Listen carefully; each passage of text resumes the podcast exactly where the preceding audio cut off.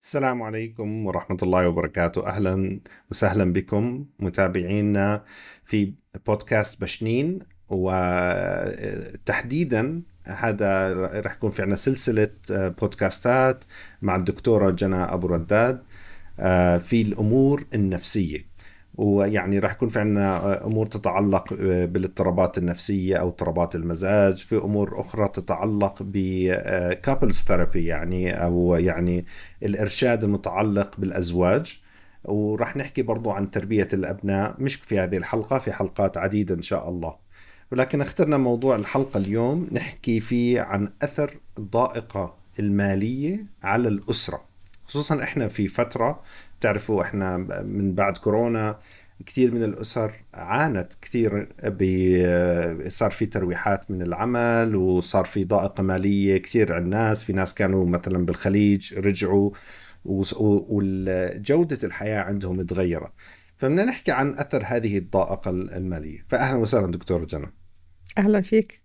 يعطيك العافية. الله يعافيك آه. يا رب. هل تعتقدي اثر الضائقه النف... هاي المالية قد يكون مدمر على الأزواج ولا حسب هم كيف بيتعاملوا مع الموضوع؟ الأزواج يعني كلاهما يعني الزوج والزوجه بحكي يعني. أكيد هلأ الضائقة المالية هي واحدة من آه، الأمور اللي بتعرض فيها الحياة الزوجية أو الأسرة بشكل عام بنسميها تحولات أو تغيرات بتصير بالأسرة فكل أسرة معرضة ليصير فيها تحولات يعني زي أبس أند داونز يعني بتصير بالحياة. فهاي واحدة من الأمور الصعبة واللي بيكون فيها تحديات كثير كبيرة واللي ممكن تفتح لتحديات أخرى مش بس من ناحية مادية يعني. الناحية المادية ممكن كمان تفتح أبواب لتحديات أخرى موجودة بالزواج وبين الشريكين. فهي فعلا هي الضائقة المالية من التحديات الكبيرة اللي ممكن تواجه الأسرة. فشكرا لاختياركم لهذا الموضوع لأنه فعلا مهم بصراحة. وبنشوف أثره على العلاقات العلاقة الزوجية والعلاقة بالأسرة طبعا لأنه العلاقة الزوجية هي الحاضنة الأساسية للأسرة كلها سواء كان تربية الأبناء أو الأسرة كلها بشكل عام. نعم. هلأ أنت دكتورة بتشوفي يعني يمكن مئات إن لم يكن آلاف الحالات آه، لما يكون موضوع الضائقة المالية له أثر كبير هل بتشوفي إنه أثره النفسي بيكون أكبر على الزوج أم الزوجة؟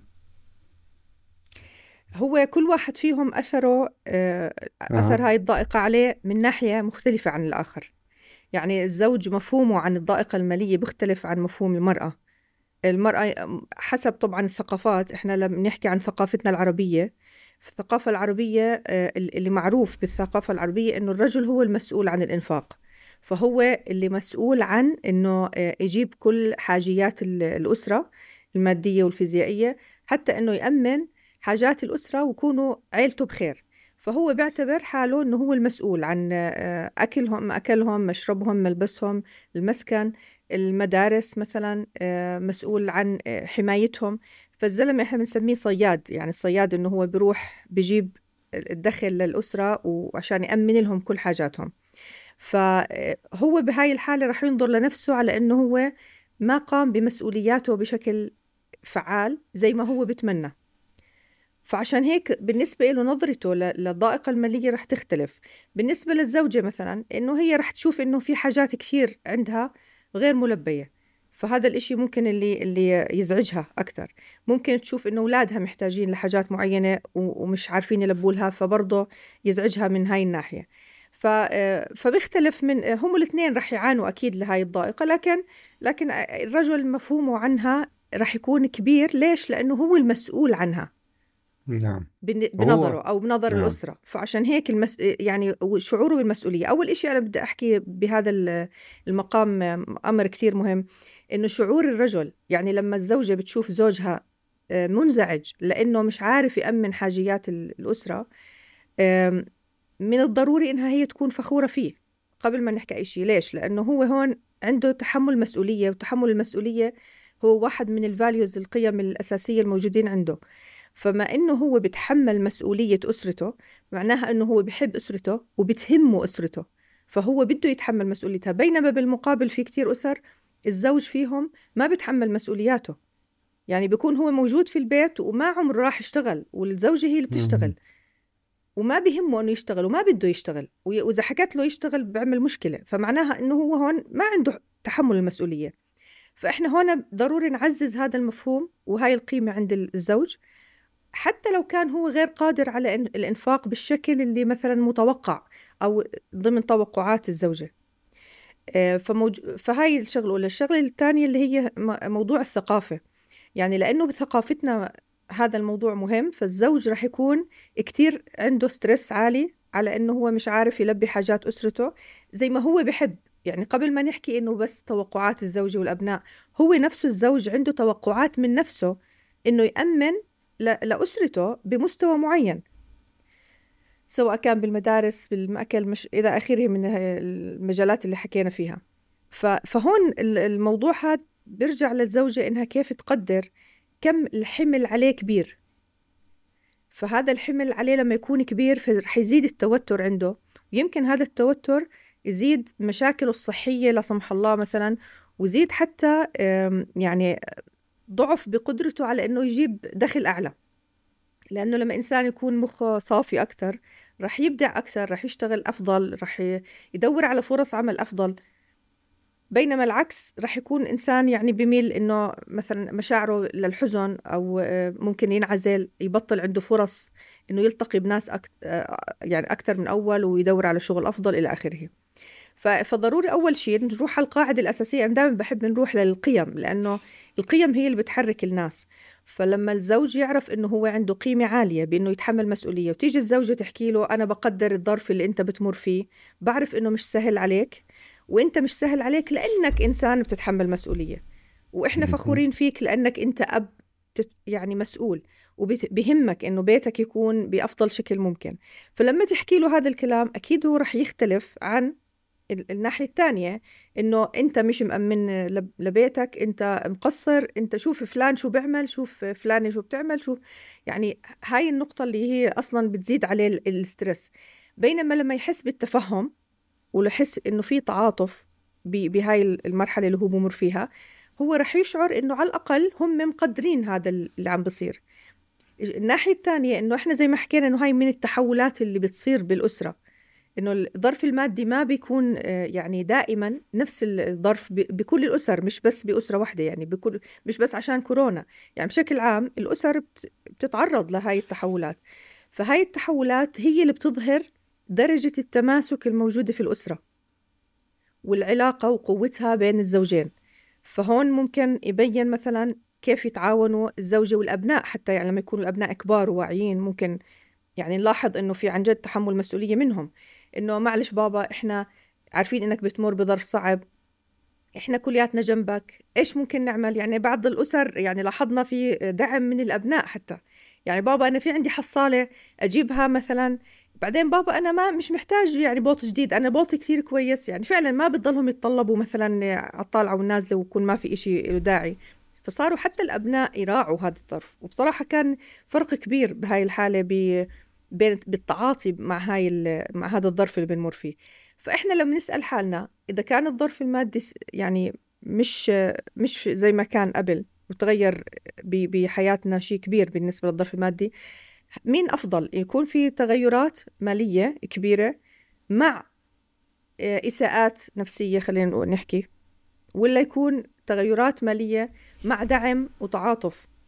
مين الحال الوضع الأفضل؟ يعني هيك هيك إحنا تعرضنا لهاي الضائقة. بس كيف نتعامل معها؟ فهذا هاي النقطة هي المهمة يعني.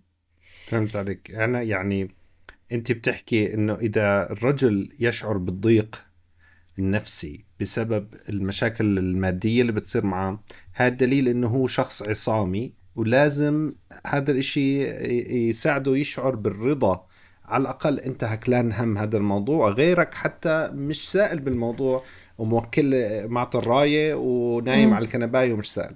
وبنفس الوقت الزوجة لازم تكون فخورة إنه زوجها هذا الموضوع بهمه موضوع الإعالة.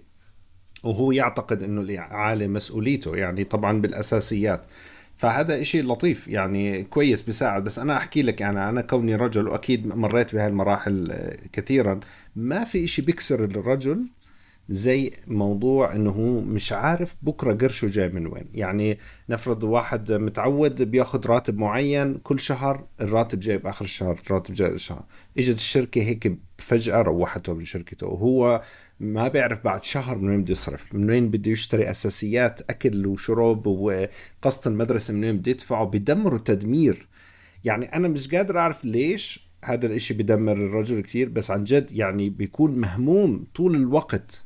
ومش حتى بصير يعني في زي ضبابية في تفكيره مش قادر يفكر حتى كيف ينقذ نفسه بدخل في آه، زي كأنه آه، مصيده آه مصيده أو نفق.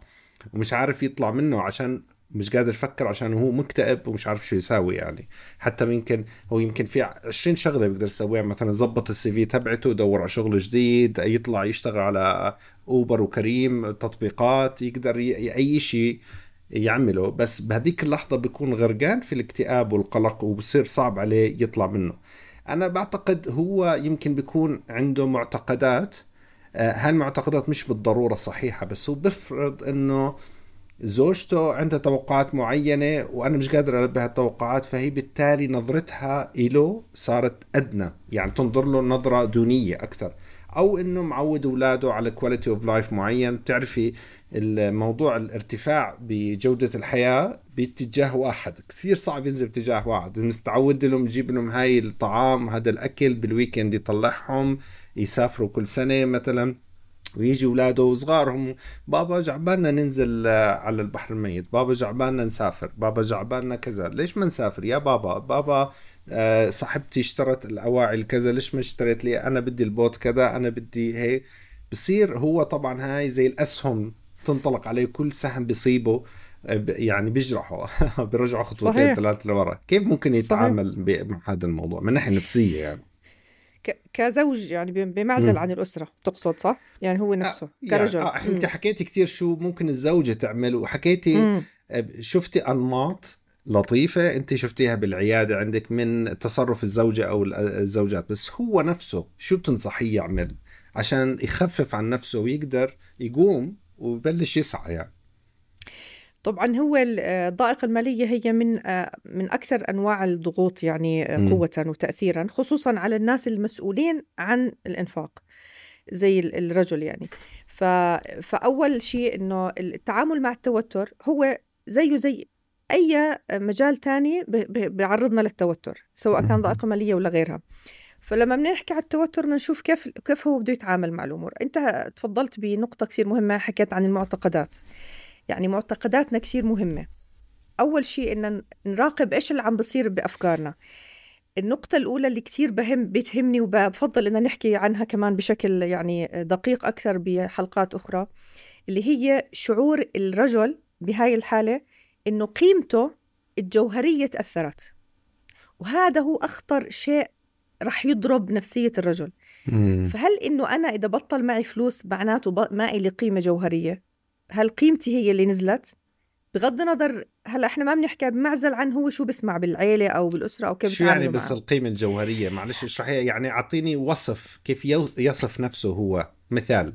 بالضبط. هلا القيمة عشان هيك أنا بفضل إنها تكون لحقها لأنها الموضوع المفهوم هذا كونسبت كثير مهم ودقيق وفيه تفاصيل. لكن بشكل مختصر القيمة الجوهرية هي شعور الإنسان بالقيمة الموجودة جواته اللي هو بيدركها.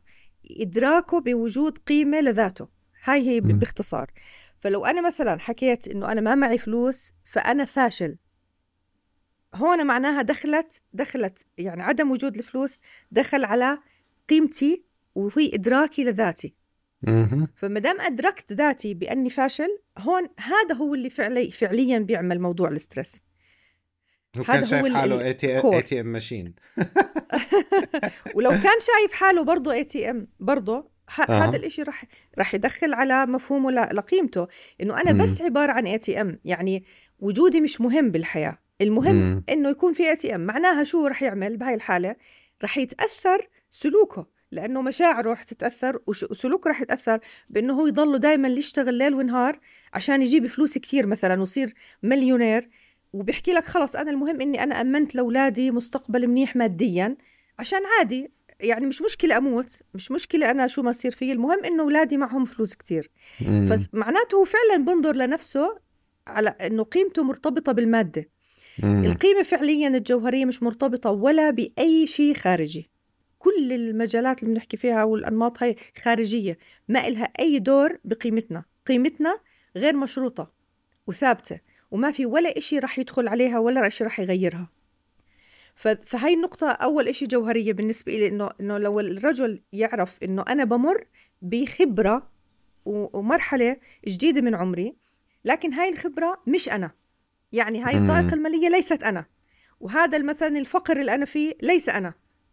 وهاي مثلا البطالة اللي أنا عايش فيها عشان ما في عندي شغل ليست أنا. يفصل ذاته عن الخبرة اللي بمر فيها.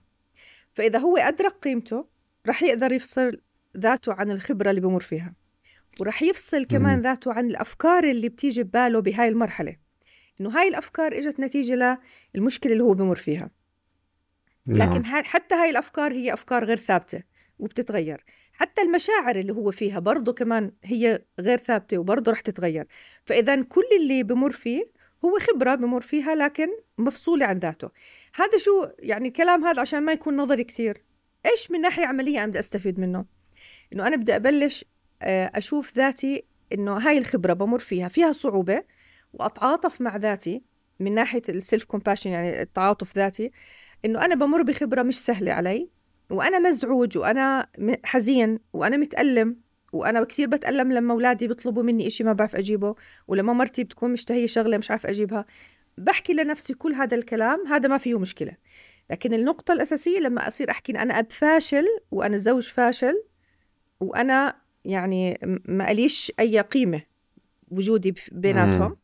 هون هذا اللي بيخلي الآباء أحيانا كثير بنشوف آباء بيحرقوا حالهم وبنطوا من جسر عبدون وبحاولوا ينتحروا. ليش؟ عشان هم فعليا يا حرام حسوا إنه خلص هم ما لهم أي قيمة. لكن لما إحنا نشوف إنه قيمة الأب مش بس بإنه يجيب دخل الدخل واحد من المسؤوليات لكن هو وجوده أهم بكثير لأنه وجوده هو اللي رح يجيب الدخل. الدخل ما بيجيب أب بس الأب هو اللي بيجيب الدخل. والأب وجوده وتواجده بالحياة كثير أهم من إنه بس إنه ينفق على على الأولاد واحد من من المهام اللي عليه إنه ينفق والمسؤوليات لكن في أمور كثير مهمة. فلو مثلا إحنا زي طلعنا من الزمن أنا هيك مرات بحكي زي كانوا معنا ساعة الزمن وإحنا اليوم بأسرة الأب فيها مثلا آه، بمر ببطالة. آه، تركوا آه، ترك الشغل الشركة طردته بطل في معاه فلوس بالمرة فيش دخل إلى آخره. واجا هو هلأ بمر بهاي الضائقة وهاي الخبرة الصعبة. لكن لو إحنا جبنا آلة الزمن ومشينا لمثلا بعد عشر سنين وكان الأب متوفي. ونيجي نشوف الأسرة شو أثر وفاة الأب على الأسرة بهاي ال... بهذا الموقف. هل الأسرة رح تفضل إنه الأب هذا اللي بمر بضائقة آه، يكون متوفي؟ هل وفاته كانت أفضل لهم؟ حتى لو مثلا تحسن وضعه المادي. يمكن يحكوا لك لا يا ريت بابا كان موجود حتى لو بمر بضائقة مالية. نشوف كيف ممكن نحل الضائقة لكن عدم وجوده صعب نحله. فأحيانا الإنسان بده يفكر إنه العلاقة والتواجد للإنسان أهم بكثير من الأمور المالية اللي ممكن يصير فيها نقص أحيانا ولو إنها صعبة. أنا ما يعني برضو مش معنى كلامي إنه مثلا الضائقة المالية إشي سهل أكيد مش إشي سهل وأكيد هو من أنواع الستريس الكبيرة يعني للإنسان بشكل عام يعني. فاذا هاي النقطة المه... الأولى إنه إحنا ما يكون ما نربط الوضع اللي أنا بمر فيه والخبرة اللي بمر فيها بقيمتي وأنا أحكي إنه أنا بمر بضائقة ومشكلة ساعتها أنت بتتوقع مين أسهل على الإنسان أو هذا الرجل؟ لو كان هو فاصل الخبرة هاي عن ذاته أسهل عليه إنه آه، يطلع مثلا منها ويصحصح بعدين هيك وتروح هاي المشاعر اللي كانت مزعجة بالنسبة له وبلش يشوف حلول ولا الأفضل إنه يكون منغرق تم... مستغرق تماما بهاي الخبرة ومعتبر إنه هاي الخبرة هي ذاته. فإذا مم. أنا ما معي فلوس فأنا فاشل. وأنا ما فيش لي داعي. مين مين ال... مين وين اللي رح تكون الأفضل بالنسبة له لمجريات الأمور حتى إنها تتحسن الأمور المالية؟ مين تتوقع رح يكون أسهل؟ أكيد أحسن إنه يحسن من وضعه هلأ. زي كأنه هو في قارب في وسط المحيط أو وسط بحر صغير ولكن معهوش مجداف يجدف فيه نحو نحو شاطئ الأمان. فإحنا يمكن إذا بس خفف من الضائقة النفسية اللي عنده زي كأنه راح يطلع فجأة هيك في مجدافين داخل القارب يقدر يبلش يجدف في الاتجاه الصحيح. فإحنا بدنا ندفشه أو نعطيه آه، شراع بالضبط بالضبط. حتى لو ما في لو ف... لو ما في مجداف هو كان عنده هو شعور بإنه هو عنده قوة داخلية رح ساعتها ممكن يسبح أو أو أو يجدف بإيديه أو يعمل أي حل يلاقي أي حل ثاني إنه ينقذ نفسه من هذا البحر اللي اللي صحيح. هو فيه. ففعليا هون هون آه، بهاي بهاي يعني الأتيتيود اللي أنا حطيت حالي فيه رح أمشي للأمام مش رح أرجع لورا ولا رح أغرق. أحاول نعم. جهدي إني أنا. هاي اذا هاي من ناحية الذاتية كيف علاقتي بذاتي. الناحية الثانية اللي كثير مهمة هي علاقتنا بالله عز وجل. كيف أنا ممكن بهاي الحالة إني ألجأ لله؟ لأنه أنا عارف بالآخر إنه الأرزاق إذا كان الإنسان عنده معتقدات آه، يعني دينية قوية بتساعده على إنه هو فعلا يمشي بالاتجاه اللي بيرضي ربنا وبنفس الوقت هو بصير يدور على بدائل أخرى. وبيعمل اللي عليه. يعني هو بصير عنده الفكرة إنه السعي أنا بسعى وبالآخر الرزق على الله. فساعتها مع السعي الرزق تبعه رح يجي رح يجي لكن الله بده إياه يسعى. فهو بيكون بلش يعمل اللي اللي مطلوب منه. فعلاقته بالله بترجع كمان بتكلل يعني القوة خلينا نحكي الداخلية. بتسوي ثابت أكثر قوي أكثر عنده صلابة أكثر وبيكون مرتاح حتى هو يروح يبحث مثلا عن بدائل أخرى للعمل إذا كان هو مثلا ما عنده وظيفة معينة. فإذا بالآخر هو رح يطلع من هذا المأزق اللي هو فيه الحفرة اللي هو واقع فيها وبيطلع أسرته إن شاء الله لما يكون بفكر بهاي الطريقة. فأهم شيء علاقة الإنسان بنفسه تكون سوية ومتوازنة بكل المراحل اللي بمر فيها بحياته وعلاقته بالله اللي هي بتساعده على إنه لأنه في جزء من حياتنا إحنا ما بنسيطر عليه. إحنا في جزء بنسيطر عليه وجزء ما بنسيطر عليه. الجزء اللي بنسيطر عليه هينا بنعمل اللي علينا. شو ما كان أغير السي في آه، أعمل آخذ دورات آه، أروح أبحث عن شغل أتواصل مع أصحابي إلى اخره لكن الجزء الثاني اللي ما بنسيطر عليه هو اللي بنتوكل فيه على الله. ساعتها بتكون في تكامل بتعامل مع هاي المشكلة. مم. وهذا اللي بخفف على الإنسان توتره وبي وبيبلش يتذكر حتى في آه، مثلا قصص أخرى من من الأثر إنه في ناس كثير تعرضوا لهاي الضائقة وبعدين طلعوا منها. هذا الإشي بيعطيه شوية تفاؤل لأنه كثير مهم التفاؤل والأمل كمفاهيم أساسية بتساعد الإنسان على إنه هو يسعى للأمام ما يحبط وضله محله. وهذا الإشي طبعا طول عمرنا إحنا بنعرفه وكثير ناس من عظماء بالعالم يعني بمروا كانوا بضائقة مالية وكانوا يطلعوا منها. فهذا الإشي كان طبيعي وإحنا كلياتنا ممكن نمر فيه. أنت حكيتي دكتورة إشي كثير مهم بالبداية إنه آه، مفهومه لذاته بأنه هو شخص فاشل قد يكون المحرك الرئيسي اللي بخليه آه، يدخل يعني اكتئاب أسوأ. آه، واللي كمان مشكلة بزيد كاز على النار إنه فقدانه لوظيفته قد يعني يزيد من إحساسه بالفشل. لأنه بحكي لك طب إذا أنا كنت موظف روحوني طب ليش روحوني؟ هل لأني فاشل؟ أو إذا كان هو بيشتغل عمل حر وبرضه فقد هاي الشركة أو العمل الحر اللي بيعمله ممكن يحمل نفسه المسؤولية فشله في هذا العمل. فبتزيد بتزيد بتزيد هذا الشعور بال بإني أنا غير كفؤ. أنا مش بس فاشل أنا إنسان غير كفؤ أنا غير قادر. فبس هو يمكن ممكن يساعد نفسه إنه يحكي لحاله طب هم لما كانوا موظفيني وبيشتغلوا لي أنا شو أنجزت لهم خلال السنين الماضية؟ هل ممكن إنه في سبب آخر؟ مثلا الشركة تعاني من ضائقة مالية مش أنا أصلا. ممكن م- الكساد الاقتصادي الواقع على العالم كلياته مش بس عليك. يعني مشكلة مثلا سلاسل الإمداد اللي صارت خلال كورونا هي لحالها كانت سبب إنه سكرت مش شركات كثير. حتى مشكلة ال microchips يعني شوفي شغلات كثير سكرت شركات كثير. آه فاحنا إذا كنا قاعدين نحكي على الإشي اللي ذكرتيه قبل شوي إنه في أشياء أنت لازم تحمل نفسك مسؤولية عشان بدون مسؤولية أنت مش حتمشي لقدام. وفي شغلات لازم تسامح نفسك من المسؤوليه عشان هاي ما كانت في دائرة سيطرتك. وهذا هي بتوقع اللي ب... اللي بتسموها responsibility باي فطيرة المسؤولية. يمكن إنه يعني أنت يمكن لازم تعمل تمرين بينك وبين نفسك. تحكي طيب إيش الأشياء اللي أنا مسؤول عنها؟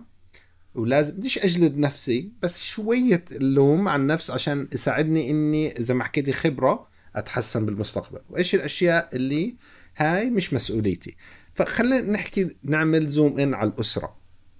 بالصرف بالأسرة. فعليا شو مسؤولية الزوج؟ يعني مثلا مثلا آه، هل إن زوجته تروح على الصالون من مسؤوليته ولا مش من مسؤوليته؟ مثلا آه نفرض إنها هي بتشتغل كمان يعني. آه إذا نفرض آه اذا حاط أولاده بمدارس خاصة وغالية هل لو حطهم في مدارس حكومية مثلا هل يعتبر هو شخص غير مسؤول مثلا؟ أو إذا بس هم امن لهم عن جد المسكن والمأمن هل هذا كافي؟ إيش وين حدود مسؤوليته؟ إنه يسافروا كل سنة ما يسافروش كل سنة؟ شو نوعية الأكل والشرب واللبس اللي بي يعني احكي لنا أكثر وين حدود مسؤوليته؟ آه. هي أكيد الشغلة نسبية يعني إذا كان الدخل إذا كان الدخل آه، له حد معين الإنسان مطلوب منه إنه يأمن الحاجيات الأساسية اللي هي في حقوق وفي امتيازات. هلأ الحقوق الأساسية إنه مثلا أكل وشرب آه، اللي هي بتخلي الانسان مثلا يعيش ويحافظ على حياته أكيد هاي أساسية. كل ما طلعنا بالدرجة الامتيازات اللي إحنا بدنا نحققها للأسرة بده يكون الدخل أعلى. فهون النسبة والتناسب حسب وضع الزوج. هل هو عنده استعداد إنه يكمل ويعطي هاي الامتيازات أو لا. هلأ أنا سألتني أسئلة مهمة جدا إنه هل مثلا بالمدرسة إنه كان مدرسة خاصة يروح مدرسة حكومية؟ هلأ ممكن يكون درسة مدرسة خاصة لكن في مدارس مثلا ثانية أقل بالكلفة ممكن نحطها بس مش حكومة. هلأ بغض النظر ممكن يكون في مدارس حكومة تكون قوية مثلا سائل عنها ومناسبة وهيك واضطر إنه يحط فيها. بس أنا السؤال اللي بدي أسألك إياه لو بده يحطهم بمدارس حكومية آه واجا بده يحطهم شو اللي بيمنعه؟ هل هل مثلا ال ال يعني البريفليج تبعت المدرسة هاي اللي هو فيها أمه فيها أفضل كثير لهم هل رح تعطيهم ميزات كثير إيش رح يكسب ورح يخسر عشان يعني يضيف للأولاد؟ إيش ممكن يعمل حتى يخليهم بهاي المدرسة أو لا؟ والإشي الثاني إنه لو ما كان عنده قدرة أبدا إنه يخليهم بهاي المدرسة فإيش اللي أمامه خيارات من الخيارات إنه يعملها؟ إنه يروح يحطهم بمدرسة خاصة يدفع عليهم أقساط غالية ويأخذ قرض. شو هو من وين بده يحطهم؟ بده يضطر يأخذ قرض. إذا هو أخذ قرض وما عنده استعداد ما عنده قدرة إنه يسده إيش اللي راح يصير بالأسرة؟ فهون بدنا نوازن. يعني هل إنه هيك النتائج رح تكون على الأسرة أسوأ؟ فإذا كانت أسوأ يمكن يكون أفضل إنه ينحطوا بمدرسة حكومة. وهم يكملوا فيها وحاول إنه مثلا بقية الفلوس اللي بضل إذا بين فرق يعني بين الحكومة والخاصة ممكن مثلا إما يعملهم دورة إنجليزي أو إنه يحطهم بأنشطة أخرى أو مثلا ممكن يزيد لهم آه، بعض آه، الأنشطة الترفيهية اللي بحبوها اللي هم ما كان راح يقدر يعملهم إياها زي سفرات بسيطة مثلا آه، زي يروحوا يسبحوا بنادي زي يعني مثل هاي الأمور اللي بسيطة اللي ممكن يعملها. فهي فهي بترجع إنه بدها دراسة الشغلة. إنه لأي درجة أنا مضطر إني أحطهم بهاي المدرسة الخاصة مثلا وهل أنا عندي استعداد أحطهم ولا لأ؟ أو إيش ممكن أشيل من الامتيازات الأخرى حتى تكون أولويتي إني أحطهم بهاي المدرسة؟ ممكن يكون في بعض الامتيازات الأخرى اللي بنصرف عليها إنه نحكي والله يا يا مرتي أنا يعني ما عندي إمكانية إني أحطهم بالمدرسة فعشان هيك شو رأيكم مثلا نخفف من الامتيازات معينة إحنا بنصرفها وتفر شو شو ما كانت عشان نحطهم بالمدرسة. فهذا الإشي بده يصير بالاتفاق. فهي شغلة نسبية يعني صعب إنه تجاوب لأنه كل كيس لها حالة خاصة فيها. المهم يعني خلينا نحكي الإطار العام اللي بدنا نمشي عليه هو الأولويات. شو الأولويات؟ ضمن قدرتي. بدون ما أضطر آخذ قروض لأنه القروض مثلا قروض هي آه، من البنك رح يكون في رح القرض رح يستهلك يمكن الدخل وزيادة. وبعدين رح أفوت بدائرة ثانية من المشاكل ولا سمح الله أتعرض لمثلا سجن أو أتعرض لأي مشكلة فلسه وجود الأب بين عيلته أفضل بكثير من إنه يتعرض لهي المشاكل. فهي الشغلة بدها قياس. أكيد رح يكون على حساب أمور أخرى. فهي هيك طبيعة الحياة. أحيانا إحنا نحاول نحصل على آه، أمر معين مهم على حساب أمر تاني لكن لأنه اللي حصلت عليه هو أه أكثر أهمية. يعني فهي مشكلة الأولويات كبيرة. مهمة. صح؟ مم. ال- القروض تحديدا يعني هي أنت كويس ذكرتيها. آه، بالأردن تحديدا إحنا طبعا مستمعينا مش بس من الأردن من دول عديدة ولكن بالأردن تحديدا كل الشعب عايش على القروض في كل شيء. ويعني حتى يعني مثلا من الطبيعي إنك تأخذ قرض لبيت لشقة آه، بس قرض لسيارة بصير الموضوع بالنسبة للأوروبيين مثلا بينظروا إنه هذا الموضوع كثير غريب إنك تأخذ قرض للسياره آه يعني آه، بتاخذ إحنا عندنا حتى بيشتري آيفون آه، آه، هو ما عنده قدرة يشتريه بيشتريه بالت- بالتقسيط. آه بيشتري كل إشي بالتقسيط. ولما يجي وقت التحصيل هلأ كل هدول بدهم يطالبوك. يعني حتى الشقة مم. أنت إذا مش قادر تسدها يمكن البنك يحجز عليها تنباع بالمزاد العلمي الع- العلني وبصير في تعقيدات أكثر في حياتك. فبزيد الصعوبة فبالضبط هاي يعني مسؤولية. بس يعني طب تجاه الزوجة ما حدود مسؤوليته في الصرف يعني؟ هي الأولاد حكينا فيها كثير بس آه. الزوجة. الز- الزوجة هي برضه حسب طبعا كل زوجة مختلفة عن الأخرى. يعني حاجات الزوجة أصلا هي مختلفة. بهاي الأمور إحنا عادة بنعمل زي اكسرسايز هيك بين الأزواج. بيساعدهم إنهم يفهموا أولوياتهم. يعني إحنا بنكتب مثلا حاجات الزوج والزوجة مثلا من ناحية مادية كل واحد فيهم بيكتب الحاجات اللي هو بتهمه. بعدين يرتبها حسب أولويتها أو على شكل هرم. فإيش أهم أولويات؟ يعني بمعنى آخر إنه لو إجاني مثلا ألف دينار إيش ال- الاولو إيش اللي بدي أحقق من هاي الأولويات؟ ما اجانيش إجاني 500 إيش بدي أحقق؟ فزي كانه بنحكي لها إيش ممكن اللي تتنازلي عنه من ضمن آه، الأولويات تبعونك. لكن الأهم برأيي من إنه إحنا نرتب الأولويات اللي هو طريقة التواصل بيناتنا. طريقة تواصل الزوجين بهاي الأمور هو المهم.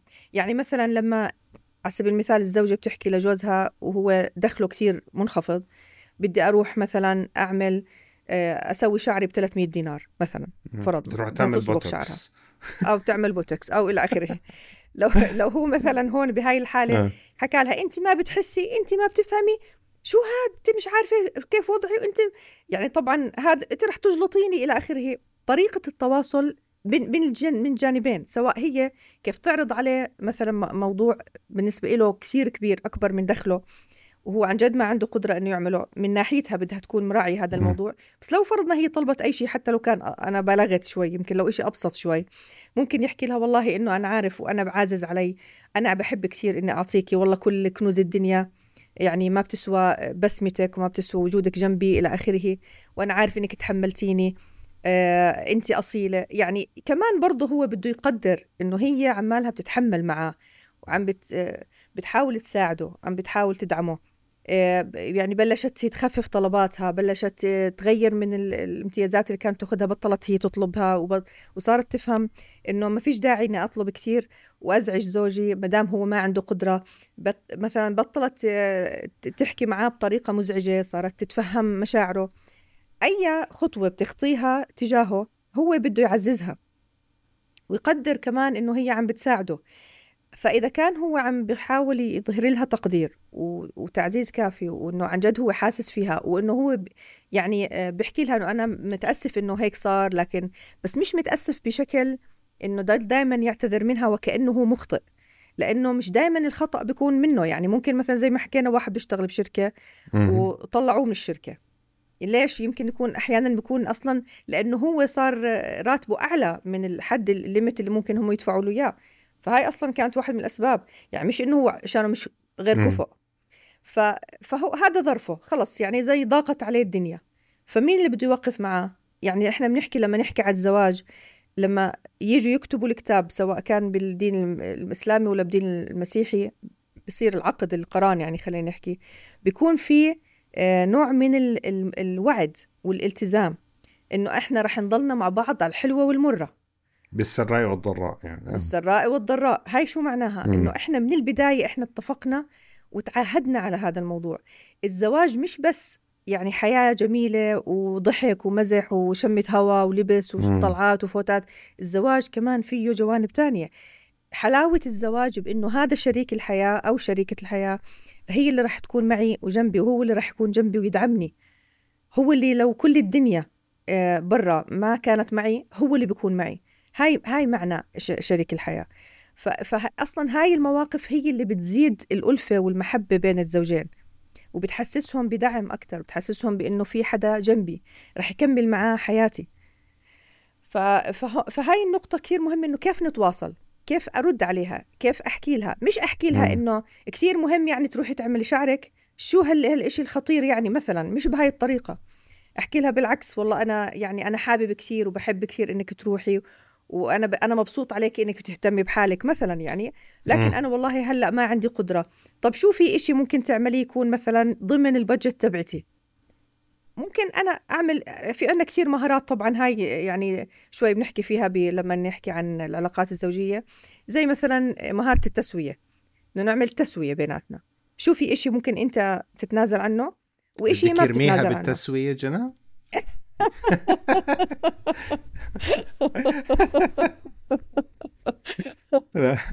فمهارة التسوية كثير بتساعد نعم. على انه يعني حدا يتنازل من جهة وواحد تاني يتنازل من جهة تانية فعشان حتى نروح بالنص يعني بين مم. بين الأمرين. آه، فهاي النقطة كثير مهمة. والشغلة الثانية كمان إنه زي ما الرجل بقدر مثلا إذا كانت المرأة مرات بتكون مريضة تعبانة بحكي لها خلص ما في داعي تطبخي اليوم الله يعطيك العافية ممكن إحنا نجيب إشي من برا. آه، اليوم شافها مثلا يعني تعبان نفسيا منزعجة إشي ممكن يدعمها يساعدها حتى بشغل البيت. ما فيها أي إشي زي ما هو بدعمها وهي كمان بتدعمه. فهم الاثنين يعني تعكزوا على بعض زي ما بيحكوا. نعم. ف... فهي فبده يكون في أكيد في تعاطف وإحساس من ال... من الطرف الثاني. لكن برضه كمان هو برضه يشعرها بهذا الإشي. ومش غلط إنه يعطيها مؤشرات لوضعه المادي حتى تكون عارفة. يعني أحيانا كثير من الزوجات على فكرة مش إنه عدم إحساس فيهم. بس هم ما بيكونوش عارفين إيش وضع زوجها. فهو عشان نرجع للفكرة الأساسية إنه هو بده يضله كفؤ. ما بده يشعر إنه هو غير كفؤ. فما بيشعر زوجته إنه مثلا هو بمر بضائقة مالية. وكثير على فكرة شفنا أزواج زي هيك. لكن للأسف النتائج كانت عكسية. لأنه هو يعني هو يا حرام بده يش... بده يشعرهم إنه خلص إحنا بخير وكل شيء تمام. فكان يضلوا ياخذ قروض ياخذ قروض ويصرف عليهم. ويخليهم بنفس المستوى. ليش؟ عشان ما يحسوا إنه في إشي. لكن هو زي كأنه شو بيعمل؟ كأنه هو يعني عم بشيل الوسخ بحطه بس ورا الباب. مم. لكن ضل يحط وسخ وسخ لحد ما يعني وسخ عبى الغرفة كلياتها. يعني هو فعليا خرب العلاقة بزيادة وخرب حياتهم بزيادة لأنه ما حط لهم من البداية توقعات واقعية لحياتهم ولقدرته على الإنفاق معاهم بهاي المرحلة. لكن لو حكى لهم إنه أنا والله أنا بمر بضائقة مالية وجمعهم وحكى لهم إحنا دخلنا رح ينزل من عشرة آلاف لألف. ففي عنا شوية مشاكل بهذا الموضوع. بدنا نشوف إيش الأولويات وإيش أكثر إشي إحنا بهمنا نصرفه وإيش الإشي اللي ممكن نأجله. حتى ما يشركوا الأولاد إذا كانوا كبار. لأنه الأولاد مرات بيكون في يعني حتى هم بيتعلموا بهاي الحالة كيف هم نفسهم يعملوا إدارة جديدة لحياتهم ولا إدارة لصرف المال. مم. وهذا الإشي بيعلمهم الصبر بيعلمهم كيف يكونوا يعني أقوى والمناعة النفسية عندهم بتزيد. فهاي كمان شغلة مهمة كثير. لو كان الرجل رابط قيمته بالدخل اللي بيجيبه ما رح يعمل هذا ال... هاي المهارة اللي حكيت لك يعني وهذا اللي نرجع نعم. لنفس الفكرة يعني. عشان هيك أنا رأيي القيمة هو أهم شيء. لما يكون هو مش رابط حتى لو هم أذوه وبالمش... يعني حاولوا أنهم سمعوه كلام جارح إلى آخره بالنسبة له هو فاهم إنه هذا مش مرتبط بقيمته حتى لو الناس أساءت له. فراح يحكي لهم أنا عارف إنه صعب وأنا بقدر إنه إحنا بنمر بمرحلة صعبة لكن إحنا كلياتنا نتعاون ونتماسك مع بعض حتى نطلع منها. على الأقل إحنا بنكون عملنا اللي علينا بهاي المرحلة. وما وما ضحكنا عليهم وحكينا لهم لا كل شيء تمام وزي ما بدكم وأنا بجيب لكم اللي بدكم إياه لكن أنا وين بجيبه؟ يمكن بهاي الحالة بعض الناس يروحوا يعملوا سرقات عشان يعني يعني ياخذوا مثلا من المكان اللي بيشتغلوا فيه يسرقوا من حدا معين يفكروا كيف يحصلوا على فلوس مش من حقهم إلى آخره. فأكيد صح. هذا مش هو اللي بدنا إياه يعني. إنت ذكرتيني بقصة بحب أحكيها لها علاقة مباشرة بالموضوع. كنت مرة في قعده شباب هيك وواحد معرفة معهم. آه الشباب هدول كانوا يحكوا عن البنات الحلوين الممثلات هوليوود وكذا وبرا وكيف وممكن بعضهم كان يقارن بالبنات هون مثلا. فالشاب هذا تدخل. بحكي أنا بشوف زوجتي أحلى من أحلى ملكات جمال العالم أحلى من الممثلات حتى إن إحنا استغربنا من طريقة وصفه لزوجته. كيف بنظر لها بهذا الشكل. وبعد ما حكى حكى حكى اكتشفنا القصة إنه مر في ضائقة مالية مرة روحوه من شغله ما كان معه أي إشي يصرف وزوجته راحت باعت ذهباتها جابت المصاري حطتهم قدامه على الطاولة ما حكت له ما سألته ما أخذت إذنه ما اقترحت عليه. طبعا أنا ما بقترح إنه الزوجات يعملوا هذا التصرف هذا ما بيزبط مع كل الناس يعني. ولا ولا هو ضروري بالعكس يمكن يكون هاي يعني بوليصة أمان لإلك بالمستقبل. ما بتعرفي شو بصير ما تبيعي ذهباتك ما حدا يفهمني غلط. بس الفكرة إنه اللي بدي أوصلها كيف هو أكبر لها الموقف. هي بالنهاية المواقف المواقف في الشدة هي بتقوي العلاقة الزوجية يعني وبتزيد من المودة زي كأنه إحنا بنودع في حساب الحب بالزبط. بالمودة. إحنا إيداعات كبيرة هاي بتساعدنا حتى بكرة بس نتخانق على إشي بسيط يمكن هاي بتشفع لها. طبعا طبعا. آه. هلا إحنا الأزواج بيشاركوا بعض بكثير من اللحظات اللحظات منها بتكون سعيدة آه، وفيها آه، يعني مشاركة بالاهتمامات والمودة والسعادة. ولحظات تانية بتكون لحظات بيشاركوا بعض مم. بلحظات فيها آه، يعني ضيق وتوتر نعم. وتعب وألم وإلى آخره. بس اللحظات اللي فيها مشاركة بالألم بتكون كثير أقوى. يعني مم. هاي اللحظات ما بنساها الإنسان أبدا. يعني دائما أنت شو بتحكي مثلا؟ مثلا لو بدك تحكي عن صاحبك. ما بتحكي إنه والله هذا صاحبي دائما بنقعد نضحك أنا وياه. بس أنت بتحكي صاحبي هاد لما بتعرض لموقف أول واحد بلاقيه. هذا هو اللي بنحكيه. لأنه هذا هو المهم. سهل كثير إنك تشوف ناس بيضحكوا معك وبيمزحوا وبروحوا بيطلعوا مشاوير وبروحوا رحلات معك. سهل جدا إنك توجد ناس بيروحوا معك لكن مش سهل إنك توجد ناس بيوقفوا معك وبتحملوا معك وبتحملوا عشانك.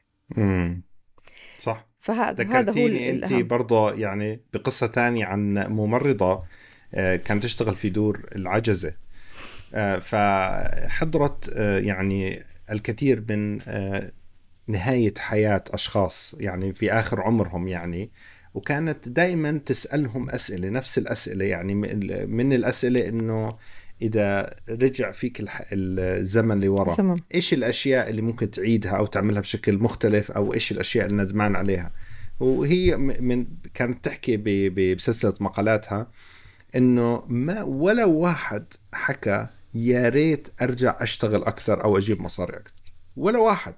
طبعا. على الإطلاق. كلهم كانوا يحكوا يا ريت مثلا قضيت وقت أكثر مع عائلتي مع صح. أولادي مع زوجتي. آه، اجتماعيا حققت إنجازات مختلفة مثلا وشغلات أخرى يعني. بس يمكن هذا هو الوقت اللي أنت تقدر تسوي فيه هاي الأشياء يعني ما دام ما عندك شغل عندك وقت أكثر. صح. آه يعني. ممكن ممكن الأطفال يكونوا مبسوطين يحكوا لك بابا أنت لما كنت ما بتشتغل أحسن. مثلا. آه. هذا إذا كنت إذا كنت طبعا أنت فعلا كأب فعال معهم وبتلعب معهم نعم. وتجلس معهم. يعني حسب أنت كيف تعاملت مع الموقف. هاي الاطفال اللي تحت العشرة بس المراهقين هدول بدهم يشوفوك المراهقين بيحكوا لك بيحكوا لك يلا روح. آه. صحيح. آه جزاك الله خير جناب. يعني في الختام تحبي تعطي نصيحة للناس بهذا الموضوع تختمي فيها؟ يعني إحنا حكينا الحمد لله كثير من المفاهيم المهمة بهاي الحلقة فما في داعي يمكن نكرر.